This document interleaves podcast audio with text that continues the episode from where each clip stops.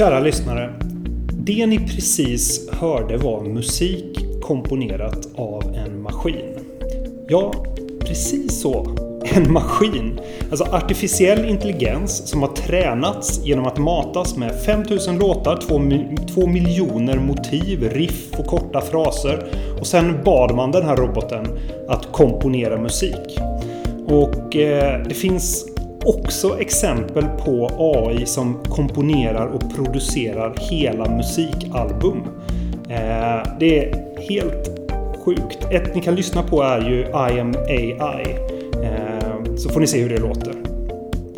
Eh, men idag så har vi blivit ombedda att reda ut och prata om begreppen kring artificiell intelligens och dess betydelse. Vad, vad, vad, vad händer just nu? Vad är vi på väg? Vad är det som händer? Och till min hjälp så har jag Hans Dahlström. Ja. Varmt välkommen hit. Och Tack. Jan Lundqvist. Hej. Hej. Eh, och jag heter Kristoffer Klerfalk. Eh, hörde ni, är vi tillräckligt smarta för artificiell intelligens? Alltså inte vi tre som sitter runt bordet utan liksom mänskligheten. Klarar vi av att hantera det här? Ja, det är en eh, bra fråga. På det tekniska planet så skulle jag hävda ja. Vi är ändå vi som konstruerar de här algoritmerna som som är självlärande. På det filosofiska planet så eh, är det ju lite mer debatt. Men eh, ja, jag säger att vi är det. Ja. Jag uppfattar det som är väldigt tudelat bland forskare och utvecklare om vi kommer göra det eller inte.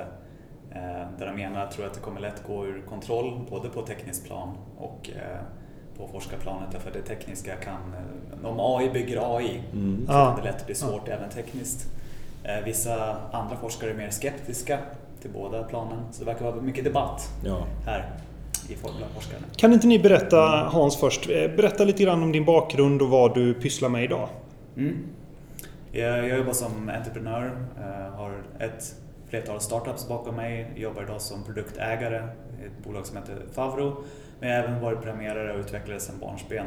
Och eh, vi använder idag machine learning och AI på vår startup Favro. Mm. Och eh, jag pluggar även mycket på fritiden, både matte och, och AI. Så det är ett intresse som är stort. Ja. Jan Lundqvist heter jag och jag är VD för Softrobot som sitter här i Uppsala och bygger eh, AI-modeller, eh, beräkningsmodeller som vi applicerar i framförallt vår egna plattform AIDA eh, som vi tillhandahåller för tjänsteleverantörer inom framförallt revision, bokföring, redovisning men även inom juridik och ekonomisk fastighetsförvaltning mm. Eh, för tillfället. Tack så mycket för att ni är här. Vi hade tänkt att börja med att definiera upp några begrepp och prata om lite olika termer. Så, eh, vad är skillnaden mellan AI och machine learning? Eh, egentligen är det ingen skillnad. Machine learning är, precis som eh, neurala nätverk och genetisk programmering, exempel på artificiell intelligens. Och ehm, det är, alla de där är delfält som ryms inom det begreppet. Och eh, inom machine learning så får eh, maskinen själv skriva eller anpassa sin egen kod eh, vartefter den får se ny input. Um, och istället för att strikt följa en klassisk då algoritm som talar om för att först gör det här, sen gör det här. Mm. Så um, kan den vara dynamisk och anpassa sig själv vartefter den får se ny input eller få feedback på vad den faktiskt har producerat och lämnat för, för output. Av en människa eller uh, en miljö som den verkar i för att kanske själv skriva om sig. Mm. Så ehm, ja, det är en metodik eh, inom artificiell intelligens. Och eh, det här med, med vad, är, vad är deep learning då? Ja, deep learning det är ju, ehm, det är ju en... Ehm, ett, vi kommer in då på någonting, en annan metodik som kallas för neurala nät.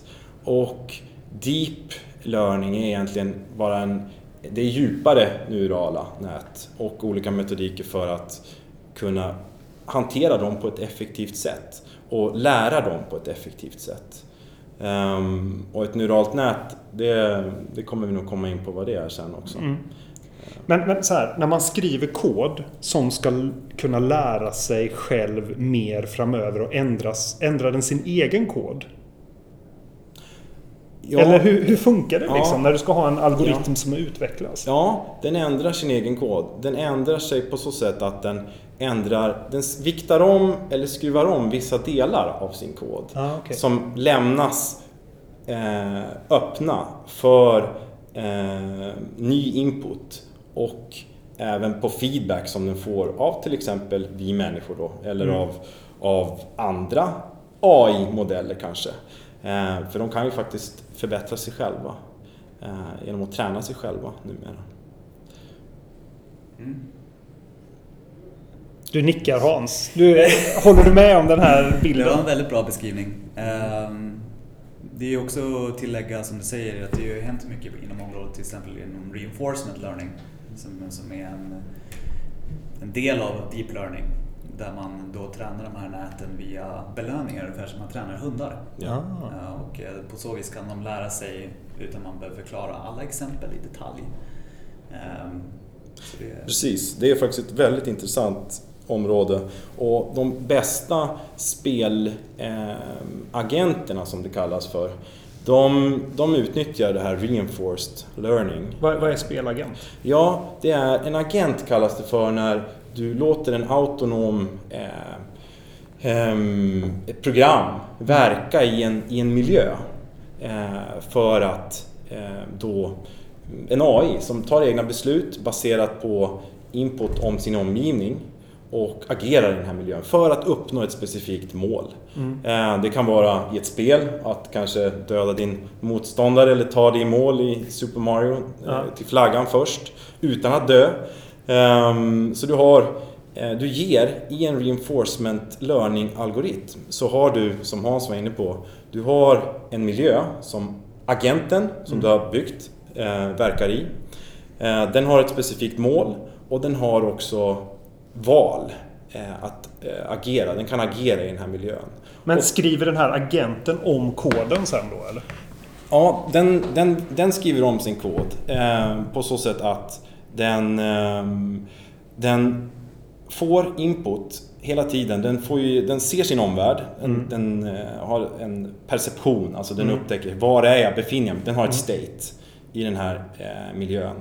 Den utför någonting och den får, ser effekten av den här eh, eh, aktionen. Mm. Och den här eh, effekten kan då vara positiv eller negativ. Så du, och då har du någonting som, som heter en, en fitness function. En feedback loop liksom? Ja, den, för den antingen så, om, i ett spel till mm. exempel, mm. om du utför en, ett, en, en, en, en vad ska man säga, du utför en, en händelse eller du, mm. du gör ett, du trycker uppåt. En handling, en handling. tack! som innebär att, om du tar Super Mario som exempel, ett jättebra exempel. Om du ska spela och så låter du den här agenten styra ja. eh, Super Mario. Då prövar AI att, jag har lärt mig att målet för min agent här, den ska vara att ta sig så snabbt som möjligt till mål. Mm. Och överleva alltså. Mm. Det, eh, jag börjar med att försöka gå åt höger för då tar jag mig närmare målet. Mm. Då får jag en positiv feedback. Mm. Att nu närmar jag mig mål och det är liksom att ta mig till mål. Det är, det är ett av, målen, att överleva då. Mm. Eh, sen så upptäcker den att, sen går, fortsätter den, sen kommer de här svamparna som ni känner till. Mm. De här som man dör av. Mm. Den eh, touchar den här svampen och dör. Således så får den en stor, då får den en bestraffning att det här var obra, så att säga. Eh, den, måste, den måste göra någonting annat, den måste pröva någon annan mm. eh, metod för att ta mig till mål. Då, kan den, eh, då har den flera eh, möjligheter i sitt arsenal. Den kan nämligen hoppa i Super Mario. Då prövar den det. Eh, och så får den på så sätt feedback och hela tiden försöker hitta eh, det optimala vägen framåt. Det här, en aspekt som kom intressant i det här också, som jag eh, vill ta upp, det är hur AI i det här caset kan till exempel vikta om, eh, säg att kanske kortsiktiga, eh, den kortsiktiga och de långsiktiga målen.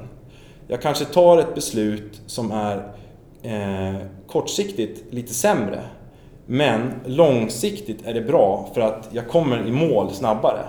Eh, genom att jag kanske då gör någonting som inte är så positivt just nu, men för att nå det slutgiltiga målet så är det positivt. Och det kanske är ett beslut som man som människa inte kan se så långt fram att det är ett klokt beslut. Och där någonstans så kommer Precis. hävstången av AI. Ja, och många av de taktiker och eh, strategier i de här spel eh, eh, algoritmerna eller spel-AI, eh, de, de är inte kanske upptäckta av oss människor för att vi har inte vi har inte testat de här, de här varianterna utan det är, det är, nya taktiker, strategier växer fram som vi inte har tänkt på. Uh, bara på grund av att vi kanske inte är tillräckligt, uh, vi kanske är för kortsiktiga. Ja, ja. Men det var, en, det var en häftig analogi och jämförelse så man förstår hur, hur en sån här eh, AI-motor kan, kan jobba. Men vad tror ni är det applikationsområdet som kommer få störst genomslag eller effekt på, på oss människor? Liksom? Var någonstans kommer det vara? Jag tror att eh, jag tror att det dels är det som du håller på med, eh, med Softrobot. Eh, men jag tror, jag tror också att det som Tesla gör, computer vision, är det som har kommit längst. Alltså bildigenkänning. Mm. Och det betyder ju att Teslas självkörande bilar Volvos självkörande bilar. Eh, det kommer ju också slå, tror jag, väldigt stort. Du har ju Amazons nya affär där de skannar varor eh, utan att du behöver gå till en kassör i en fysisk butik. Sådana saker. Så det, det tror jag också. Storskalig dataanalys, big data, kommer ju också nu väldigt många startups som gör eh, applicerar machine learning och deep learning till hjälp för mm. andra företag mm. för att analysera deras enorma dataströmmar, hitta korreleringar, förutspå framtiden. Mm. Sådana saker. Men får jag bara tillägga en sak? Eh, för, för att jag tror en viktig poäng med, med eh, deep learning och andra, det handlar ju om att eh, minska felet. Och det är det som är kärnan i allt lärande. Och jag tror att mm. det är viktigt för diskussionen. Just det här att en AI, om den ska lära sig en bild eller ett spel så försöker den göra någonting och det händer någonting. Men det, egentligen borde något annat hända. Den försöker hela tiden minska gapet med vad som hände mm. och vad som faktiskt, vad den försökte göra och vad som hände utfallet. Mm. Och hela tiden minska det gapet är kärnan i lärande, även för hjärnan så vitt, eh, och för artificiell intelligens. Så att, eh, det är att minska felet hela tiden med hur det är och vad jag försöker. Mm. Så det här med att, att alltid försöka optimera saker, det ligger liksom i en AIs naturliga behov, eller naturbeteende liksom? Ja, den, eh, vi har ju, vi sätter ju mål för algoritmerna. Mm. De ska ju utföra ett uppdrag, göra någonting vi säger åt den att göra. Eh, och den slutar ju inte eh, förrän alla möjliga vägar är testade. Så att ehm, definitivt är det så. Krävs det mycket datakraft? Liksom? Ja, det gör det och det är ju en av anledningarna till att det är ehm, det nu är så pass lättillgängligt med att addera AI i sina applikationer att vi har datorkraft mer tillgänglig. Du, kan, du köper den vid behov. Mm. Du behöver inte köpa på dig en stor serverhall och sen börja laborera med att addera eh, andra då värdeskapande, AI-värdeskapande moduler eller eh, delar i sin tjänst utan du kan själv testa eh, vad kan jag hitta för intressant data i min, eh, i min datavolym jag har eh, och köra eh, olika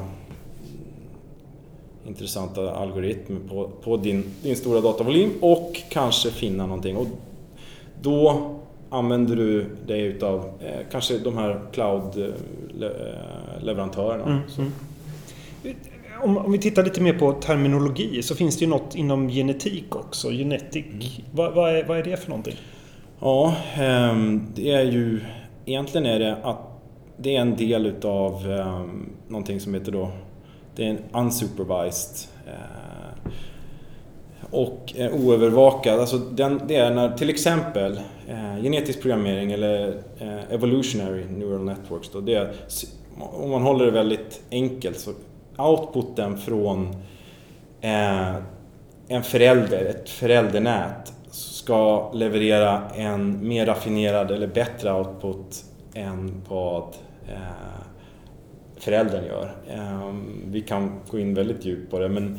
Ehm, det, man, ja. det härmar ju biologi. Ja, med faktiskt. föräldrar och barn. Ja. Och, eh, eh Nästa med, version ska vara lite bättre. Eh, mm. Föräldrar från två olika populationer parar sig för att få en bättre... De byter gener med varandra. Ja. Och generna är då delar, eller hur vi beskriver mm. de neurala nätverken. Skulle jag vilja säga. Ja. Mm. ja. Vad så, så automatiserade alltså bilar som kan köra själv. Vad, vad tror ni om hela liksom, eh, verkstadsindustri, eh, äldrevård? Kommer det, kommer det finnas robotar som kan passa upp mig när jag blir ännu mer fragil än vad jag redan är idag? Liksom? Vad, hur, hur, tror ni det kommer se ut? Om vi tittar, ser ni några andra sådana här sjukvårdskopplingar? Liksom? Allt blir ju mer och mer personifierat, alltså personalized. Eh, mm. hur vill Kristoffer uh, ha sitt uh, morgonkaffe? Hur vill du bli... Hur, vill du, hur hårt vill du ha lakanet bäddat? Um, jag tror att det, alla de här... det möjliggör för dig och mig att kunna få en mer personifierad, våra personliga preferenser tillfredsställda eh, i en större utsträckning. Eh, det är alltifrån vårt nyhetsflöde i våra sociala medier till våra, våra då inom, i en framtid kanske mer fysiska eh, behov då tillfredsställda i form utav hur man vill, eh, hur jag ska få gå ut och bli rastad eh, på mm. min, min åldershöst. åldershöst. Precis. Um, och ja, få mer av sina personliga preferenser tillfredsställda. Mm. Jag tror också att det handlar mycket om att sänka kostnader. Mm. Men det är som min, min äh, syster jobbar inom biotech och där hon beskriver liksom för år för år så blir det svårare att driva ett sjukhus därför att vi får bättre mediciner. Så hela tiden måste vi sänka kostnaderna. Och det, men det kommer jag tror personligen att det kommer vara ytterst svårt att nå det utan automatisering AI. Alltså, jag menar, du kommer ha robotar som du kan kommunicera med som ger ut medicin, som kan gå runt på avdelningarna eh, och så. Eh, så det forskas det mycket på. Kommer, kommer, heter det? Ja, robotar ska föra konversationer och delta aktivt. Eh, men sen så Google köpte ett företag som heter DeepMind för ett par år sedan som är de, en av de ledande forskarna inom AI på många områden. Och de jobbar med brittiska NHS eh, på, på många olika plan. Eh, bland annat så kan de ju eh, till exempel titta på röntgenbilder för att se, ersätta de som normalt tittar på röntgenbilder. Mm. Jag kommer inte ihåg vad det heter. Röntgenologer? Ja, men vad heter det? Det heter något, de som tittar på ben och... Ja, ortopeder Ortopeder så. Ja. så att de, jag vet att de har tränat mycket AI för att känna igen mm. de här fina frakturerna. Mm. Och då kan de ju otroliga effektiviseringsförbättringar inom sjukvården, även ögonsjukdomar, njursjukdomar. Mm. Eh, titta på mönster i stora databaser mm. över eh, vad, heter det, vad folk eh, äter och vad folk blir sjuka. Och, mm. eh, hitta otroliga mönster där. Så det är väl en stor applikations... Ja, nya mediciner, eh, ta fram bästa behandling, ställa eh, ja, inte bara second opinions kanske, utan ja, hjälpa till att ställa rätt diagnoser, ehm, ehm, kunna identifiera vilka möjliga framtida eh, läkemedel som kan ehm, skapas. Mm. Det är ju som så här att de är, alltså, AI idag den är bättre på att se och identifiera eh, än vad vi människor är. Den är ju bättre på att analysera stora datamängder. Och datorerna har varit bättre än oss på att exekvera sedan, sedan de, de, eh, de såg eh, dagsljus ja. eh, från början. Så att, och att jobba med att identifiera områden där man ännu inte utnyttjar AI, det är vad vi i Softrobot gör till, i stor utsträckning. Och um, försöka identifiera uh, de här områdena och sen skapa då specifika AI-modeller för ett en väldigt eh, specifikt uppdrag. Det pysslar vi med och det, det, vi har bara sett början på vad vi kan utnyttja AI till. Och jag tror mycket inom, om vi då tar hälso och sjukvård, så um, har vi vi har börjat nosa lite grann på vad vi kan göra. Vi utnyttjar det mycket inom perceptionen nu som, som Hans var inne på. Det här med att identifiera. att se och bilda ja, precis. bilder. Och, Men, men att kanske till och med att analysera datan djupare och eh, faktiskt skapa våra egna eh, Ja, som jag var inne på, nästa medicin. Mm. De här eh, som du, du kan nog bättre än, än vi två, men ehm, hur förebygga Ja, skador, ja, förebygga. Att, att kunna se eh, lite grann eh, runt hörn med väldigt stora datamängder kunna se att ja, men, de här har du de här 17 parametrarna så kan det här hända baserat på det här. Men, men sen också, det finns ju några exempel på neuronala nätverk som är ganska häftiga. Eh, där eh, du har en, en sjukdom som kanske muterar. Eh, ett virus som muterar. Och då, att du kan gå ut och titta i ett, eh, fråga ett neuronalt nätverk. En patient som hade de här parametrarna sedan tidigare, eller just nu. Eh, hur många andra patienter har haft liknande profil? Mm. Vad har de behandlats med? Vilka har det gått bäst för? Vilken behandling bör jag ta nu? Det är också ganska häftigt. Liksom. Så att du får så här, ja, men den kombinationen läkemedel jag har nu är baserat på hur det har gått bäst för de som är som jag. Är ni med? Så. Och som har den typen av virus. Det är ju det är lite häftigt. Men jag tror att en, en viktig poängtering idag är att eh, artificiell intelligens, eh, de förstår ju, alltså den, den AI, den mest avancerade AI vi har idag förstår ju inte koncept. Och där, där blir det en väldigt stort hopp, tror jag, till nästa variant inom till sjukvård och rådgivning. För att de är ju väldigt mycket slavar under vårt, eh, vår, vår uppställning av mål och vår uppställning av data. Mm. Och det gör det blir ett, det stort hopp till Mm. kanske nästa, säg att de skulle kunna forska mer eller, tror jag i alla fall, Ja. eh, inom sjukvård och hälsovård. Därför att de kan inte koppla ihop eh, liksom, eh, flera koncept med varandra eller inte förstå någon djupare innebörd över det. Nej. Nej, det är ju det, är det här att det, det, är, det är svårt att skapa generell AI. Ja. det är väldigt svårt. För det är den, den eh, stora drömmen. Så det är ju fortfarande snäva snäv AI. Alltså vi De, försöker, de är specifikt Ja, de är speci- specialister ja. på sitt område. Ja, exakt. Ehm, och där kommer vi människor in ett tag till i varje fall att eh, okej, vi kanske ska utnyttja den här AI, den här modellen. Testköra hen på, på det här. Kan det vara det? Eh, eller kan det vara det? Så där kommer vi människor in ett, ett tag till. Så, alltså, som jag förstår det så är dagens AI liksom mer specifik och inte så generell. Alltså AI kan inte överföra kunskap säga, från ett område och dra slutsatser inom ett annat. Till skillnad från oss som kan liksom se, ja, men baserat på det här som händer inom byggbranschen just nu så kan man extrapolera det och förstå att det här händer inom IT och det här händer, alltså så. Eller, alltså de som kommer närmast generaliserad AI i DeepMind eh, med, med hjälp av reinforcement learning Mm. där de tränar dem så har de ju samma program och lärandesystem kunde lära sig 30 olika spel genom att bara titta på skärmen utan att förklara spelet överhuvudtaget. Eh, och det är det närmaste vi har sett idag på generaliserad intelligens eh, som använder deep reinforcement learning. Eh, och, eh, men jag, menar att jag, jag har inte sett några exempel på djupare över, överföring. Nej, det är det som jag har, det är den, det jag känner till också. Att de har utifrån att ha, ha lärt sig x antal spel, eh, sett, kom, hamna i en ny miljö, att bara se, okej vad är det jag ser framför mig? Kunna... Eh, Är det någon annan som spelar spelet framför dem då? Eller får de bara, de får Nej, bara de spelet? Sätts in i miljön. De är som en agent Men då, de liksom, som en ingen, spelare? precis, de gör ju ingen förbearbetning eller om skärmen utan Nej. ser bara den råa skärmen, precis som vi gör. Ja. Och lär sig spela Mm. helt. Så det kunde ju funka på 30-tal spel men på andra typer av spel som är lite mer komplexa funkar det inte alls på. Men det, men det det är det mest generella vi har sett. Men det är ganska kul och ni, ni kommer ju tillbaka till det här speljämförelserna. För att där är en situation som är eh, regelstyrd Ja. och låst. Mm. Och eh, som en bra, det är som en labbmiljö då liksom. Ja, precis. Det är ju ganska klara regler och du har x antal möjligheter att agera. Ja, just det. Ja. Eh, Så, ja. Det är lätt att forska på. Mm, Ja, ja. Exakt. Jag skulle vilja öppna upp för en liten etisk diskussion också.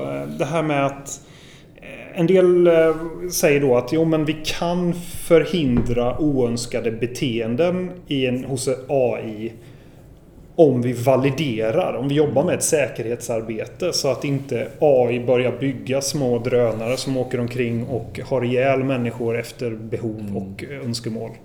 Det är i och för sig vad Ryssland har sagt. Alla skrev ju på den här säkerhetsgrejen förutom Ryssland som sa att vi tänker bygga precis vilken vapen AI vi vill. Mm. Så gick de ifrån bordet. Ja. så att eh, vi får se. Ja. Nej men det, det handlar ju om att, att, att så länge målen, målet hos vår AI som vi producerar är i samklang med, med våra mål och som till stor del är då eh, Eh, har en etisk grogrund eller har en etisk grund och, och moralisk grund. Um, och ja, vi är, vi är smartare generellt än vår AI idag. Uh, vi är sämre specialister än en AI uh, eh, på mycket. Um, om musik, ja det får väl lyssnarna själv bedöma vilka som, vilka som är bäst uh, på att skapa musik. Men um, det gäller ju att, att den AI vi producerar, deras mål är i samklang med våra på ett brett, ett brett perspektiv. Då. Inte bara kanske överleva, för det gäller ju så mycket mer i den här världen att överleva. Vi ska ta hand om varandra och... Mm. Alla, alla mjuka, försöka alla bygga in mjuka parametrar. Ja, ja, och på så sätt är det ju tur. Så länge vi inte har, du pratar om validering. Ja, hur ska det praktiskt gå till? Hur ska det skötas? Um, det, det vet vi inte. Och det är väl tur då att vi inte har en generell AI än utan vi kan liksom, den här AI löser det här. Ja. vi vet målet med den här AI, det är ofarligt för oss som har skapat den. Det är ofarligt att som nu, en AI, en specifik AI eh, bli, tränar ju sig själv. De spelar mot varandra till exempel och eh, på så sätt optimerar sig då. Eh, evolutionary mm. till exempel. Um, men Eh, då är det ju ett specifikt ofarligt mål som vi vet hur den kommer närma sig och det finns inga, ingen eh, risk för oss Nej. människor i det här. Men, um... men, men det finns ju en, en risk någonstans att, eh, att en, en AI tränas åt fel håll och, och blir väldigt smart på att bryta sig in och ändra någonting som kan vara en vital mm. Eh, uppehållande funktion för oss. Strömförsörjning. Mm. Mm. Nick Boström som har skrivit boken Superintelligence som är en väldigt bra bok mm. på temat. Har du läst den? Ja. Yes. Jag, menar, han, han, eh, jag, jag tror att det, det stora problemet med AI kommer vara det som kallas för perverta intentioner. Mm. Som är det akademiska benämningen. Det är att vi ger AI till exempel målet över att tillverka så många gen som möjligt i en fabrik. Mm. Men eh, submålen, hur den bryter ner det, kan leda till att ja, men då behöver jag bygga om halva jorden till en mm. batterifabrik. Precis. Eh, och alla liksom, människor kommer utplånas i processen. Sen så i slutändan kommer den ställa om solsystemet bara för att producera så många gen som möjligt. Mm. Ja, just det. Ja. Och eh, där tror jag att det kan gå snett. Eh, på, I förlängningen, där det egentligen AI har ju ingen etisk betingelse, men om den blir tillräckligt smart så kan den bryta ner delmålen på ett sätt som kan bli väldigt destruktiva. Ja. Ja, men vi vet ju till exempel, om man ser en Tesla då, som kör själv, den kan ju hamna i en situation där antingen eh, måste väja för en gubbe och, och eh, krocka med ett barn där vi kanske skulle ta ett etiskt beslut mm. som är väldigt svårt. Men där en, en, en rå, väldigt intelligens algoritm kan tvingas in och bara köra blint. Men sen tror jag det etiska problemet idag också, att det finns nog många stater och eh, kanske andra som, som inte tänker etiskt och kommer använda de öppna forskningen som finns idag till deras fördel. För vi ser bara vilka problem bolag har som har blivit hackade, data har blivit låst. Eh, för, och, och, och, kanske till och med förstörd eller ibland släppt mot lösensumma. Hur det kan liksom... Jag tror, eh, precis, jag tror vapen, är, jag menar, vapen är det som är stora problemet. Vi som mm. computer vision och jag menar autonoma drönare som mm. går in i mm. gerillakrigsföring. Mm. Jag menar, I Syrien till exempel då.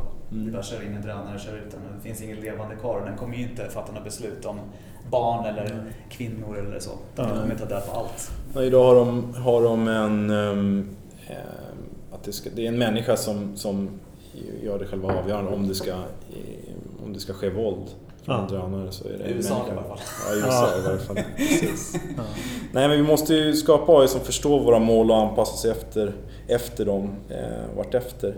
Men eh, sen är det lite intressant att tänka om det är, om det är eventuellt lite egoistiskt att tänka så också. Vi har ju våra, vi är inne på genetiska grejerna här eh, tidigare också. Våra, våra barn är, kommer antagligen bli smartare än vad, vad vi är. Och eh, de håller vi ju inte tillbaka på samma sätt. Eh, och eh, det är liksom tillsammans med AI så kan vi ju lösa mål eller lösa problem snarare som vi då bara kan drömma om.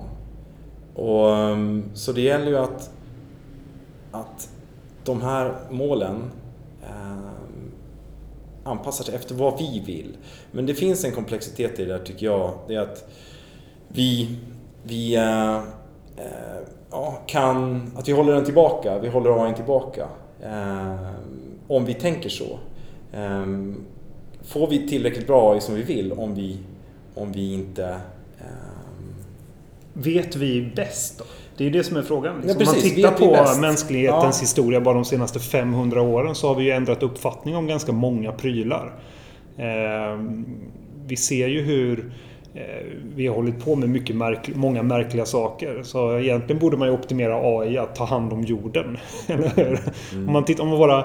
Om det nu finns män, människor på jorden, nu blir det aningen filosofiskt kära lyssnare, men om vi nu finns här om tusen år, hade vi då önskat att vi hade ställt in AI på att eh, ett av de stora målen är att behålla jorden i sitt skick? Liksom? Men frågan är vilka slutsatser du drar av det? Ja, att vi ska bort. Ta bort, Helt. eh, Människan är ett problem för Ta jorden. bort eh, Saudiarabien och oljepumpningen. Jag menar, det, Ja. det finns ingen... eh, Ja, det är svårt att säga. Så. Jag såg en, eh, på temat då, jag såg en intervju med eh, Alibabas grundare Jack Ma och han säger att vi måste börja utbilda våra barn i saker som maskiner inte kan göra. Eh, kreativitet, konst, skapande, ledarskap, att arbeta i grupp, innovation och, och utveckling. Att det, det är sånt vi ska lära. Allt annat kan maskiner göra imorgon. Ja. Liksom. Och det är en ganska intressant eh, tanke. Att vi ska sitta och lära oss massa... Eh, rabbla massa saker som egentligen... Ja, vad, vad är det för kunskap vi behöver? Nej, för vi blir ju, vi blir ju till slut eh, allt som handlar om att eh, egentligen agera på eh, agera på en, en uppfattning av någonting som faktiskt finns där. Siffror, en state, alltså en, en ehm, eh, text, siffror, ehm, ljud.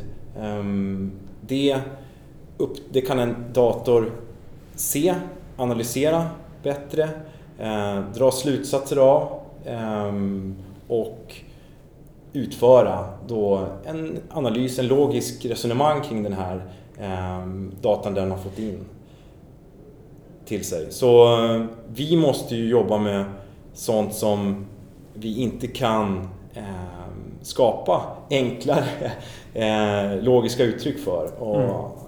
och tittar man på det så är det mycket som många tjänsteområden, tjänsteyrken som där ehm, det utförs ett, eh, det kanske är ett komplext att identifiera det. Men computer vision och datorerna blir allt bättre på att identifiera data i, i eh, bilder eller text eller stora datavolymer. Så vi måste, som eh, Jack Ma säger där, tror jag, att vara tänka på vad kommer bli värdefullt Ja. i, i yrket, yrkeslivet framöver. Eh, vad är det som vi kommer att vara unikt för oss människor? Eh, och hur tar vi hand om eh, varandra Mm. när vi har datorer som gör mycket av, eh, tar hand om mycket av det löpande eh, tjänsteutövandet. Vi har ju varit aningens eh, filosofiska nu och eh, jag tycker det är superintressant. Men jag måste bara gå ner och fråga lite grann. Hans, du har hållit på med eh, programmering och sådär i nästan hela ditt liv. Ändå så säger du att du fortsätter nu att plugga matte. Du håller på och bygger nätverk där du träffar, alltså nätverkar med fysiska andra människor för att lära dig mer. Du läser hela tiden. Förstå, eh, är, jag förstår att det är extremt komplext. Förstår alla hur komplext det är med artificiell intelligens och hur det, det måste vara toksvårt liksom, att bygga. Men eh, jag tror så här, jag menar, om man kollar på var det är på väg så att använda AI för en slutanvändare eh, blir enkelt. Det kommer nya verktyg med Softrobot. Många andra bygger som slutanvändare kan använda kraften av det. Ja. Men det som är intressant med AI, som jag själv upptäckt som programmerare, är att, är att, det att utveckla AI och att vara på gränsen av vad AI är, är för många programmerare relativt svårt därför att det är, det är så väldigt mattetungt. Eh, Och jag menar det är helt enkelt så att de flesta har inte kunskaperna. Jag att gå till en kompis och daska av eh, linjär algebran och kalkylusen när jag började för ett år sedan. Att ta upp de här kunskaperna. Mm. Liksom. Och jag menar att AI är också, det är ett väldigt abstrakt ämne, det är ett väldigt mattetungt ämne Mm. och det är ett svårt ämne om man ser det i basen, skulle jag vilja säga. Mm. Men att använda av det, det, det tror jag, jag menar, du, du använder det varje dag, du pratar Ja. med Siri, du, pratar, jag menar, det, du använder ju machine learning som Mm. slutanvändare. Du tränar dina nätverk varje dag när du likar dina bilder. Ja, precis. Så, det, så uppfattar jag det i alla fall. Att det, det, det är ett svårt ämne. Ja. Mm. Statistik, matte, eh, sannolikhetslära. Eh, förutom eh, de klassiska datavetenskapliga ämnena. Ehm, så är det, det är mycket det är mattetungt. När man kommer ner på den nivån att man ska skapa sina egna beräkningsmodeller. Ehm, men det kommer även hela tiden så tillgängliggörs det. Inte bara av Softrobot utan av, av, de stora aktörerna. Ehm, som för en bred, för dig och mig till exempel. Om jag eh, jobbar som, som um, meteorolog så kan jag träna mitt egna lilla nät på att klassificera mina cirrusmoln och, och stratusmoln eller vad de Mm, heter. mm, mm. Och det tillgängliggörs för eh, gemene man med mycket, i en mycket högre hastighet nu. Så att det är mycket mer drag and drop än vad det var för um, bara något år sedan. Jag tror också, jag tror du håller med om att eh, alltså om man kollar diskussionen kring generaliserad AI på en väldigt djup nivå Mm. är inte bara heller mattetung utan att det är abstraktionen av Definitivt. vad som, alltså den djupa förståelsen vad intelligens är Mm. med minne, uppfattning, eh, jag menar, jag menar tänkande processer. Ja, jag menar, dra det slutsatser. är, alltså det är, när jag tänker på det själv så blir jag nästan mörkrädd för att du börjar nästan vända ut in på din egen hjärna och börjar tänka på hur tänker jag Ja, egentligen? japp. Och Det- då börjar det bli jobbigt. och, och varför gör jag som jag gör? Eh, liksom. alltså, varför ringer jag det här säljsamtalet och vad vill jag ha ut av det? Vad eh, kommer den här personen... Det, det är lite så gör man idag. Man kanske listar, det här är de alternativ svaren jag kan få, så här ska jag bemöta dem. Ja. Det är lite intressant. Och vad kan jag automatisera? I, Jag, är också, jag har två barn som är fyra och sju. Eh, Att se deras lärande samtidigt som jag pluggar AI har jag fått mig en helt annan förståelse för lärande. Och jag tänkte, jag tänkte nog skriva en medium-post sen om du vet, mathematics of raising a children. För att du kan över, en del av reinforcement learning-tankarna eh, kan du överföra på barnuppfostran ganska lätt. Eller man kan få en djupare förståelse för Ja, men det ser man ju på alla, alla team man jobbar med. En positiv förstärkning har stark effekt. Liksom. Eh, Och sådär, ja, men det, det, det, ja, det är intressant. Ja, ehm, har ni någon sån här concluding eh, remark? Alltså det som är så häftigt tycker jag är ju liksom att eh, Eh, AI kan, kan inhämta kunskap, fatta beslut och sen lära sig av eh, utfallet på ett så systematiskt sätt. Och det är ju, jag tror att eh, de människor som blir duktiga på den typen av feedback loop är de som hela tiden utvecklas. Liksom. Ja, man brukar ju eh, säga det att det är eh, vad händer med arbetsmarknaden då när, det här, när AI tar över mycket jobb. Inom, bara 2017 så skapades 300 000 nya jobb inom AI. Ehm, nya, nya yrkeskategorier som du är inne på, eh, att träna AI-nätverk, Mm. att dela med sig av hur ehm, jag jobbar i min verksamhet för att träna ett, ett AI. Det kommer bli en, en antagligen en ny eh, tjänste, eh, en ny tjänst inom flera olika branscher då, att träna AI. Ehm, Men det ser vi bara de senaste 7-8 åren så har det kommit jättemånga tjänster som eller tio åren som, som ingen visste att man kunde growth hacker och det är social media applikationsspecialister på tusen olika sätt och det, det finns ju och där, här kommer ju liksom, se bara på alla dina anställningar, mm. anställda Jan, att det, det är ju eh, arbetskraft. Liksom. Men det är, som är på Favre, vår startup, så, som är samarbetsverktyg. Vi har ju ersatt en säljstyrka med growth hackers och programmerare som gör ett, ett eh, system som är digital marknadsföring med hjälp av machine learning. Och det är ju en väldig skiftning då från klassiska säljstyrkan till growth hackers och utvecklare. Mm. Ja.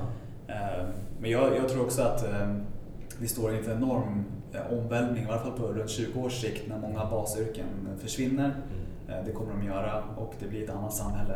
Och det diskuteras mycket om Universal Basic Income, det görs ju försök i Finland och Kanada. Och, men hur det samhället ser ut vet ingen. Mm. Och det kommer vara väldigt intressant att följa det. Mm. Förhoppningsvis går det bra.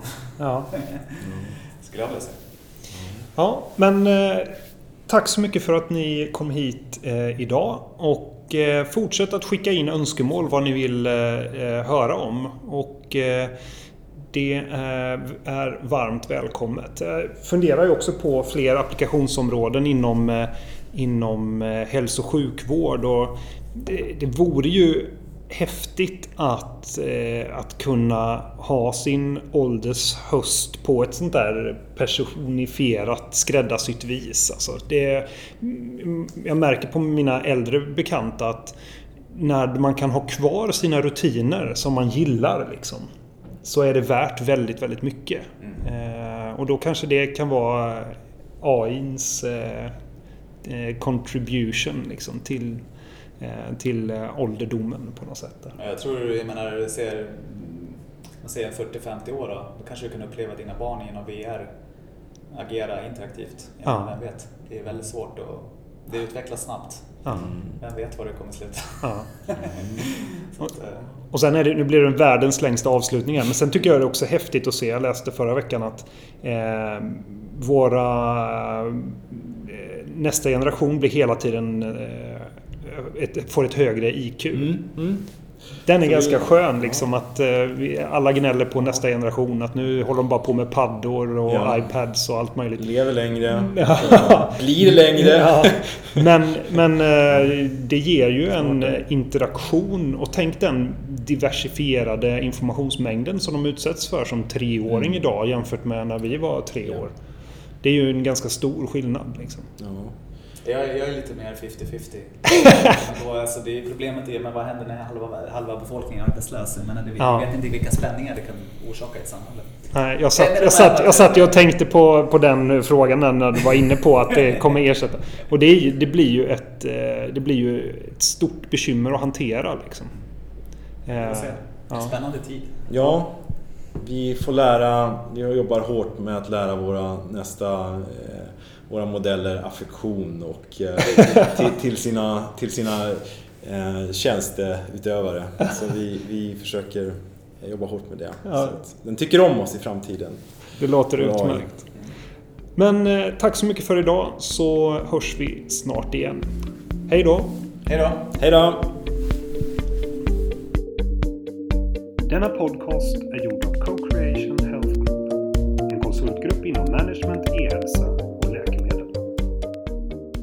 Usch vad nervös jag var i början. Fan vad dåligt. Jag får du styra.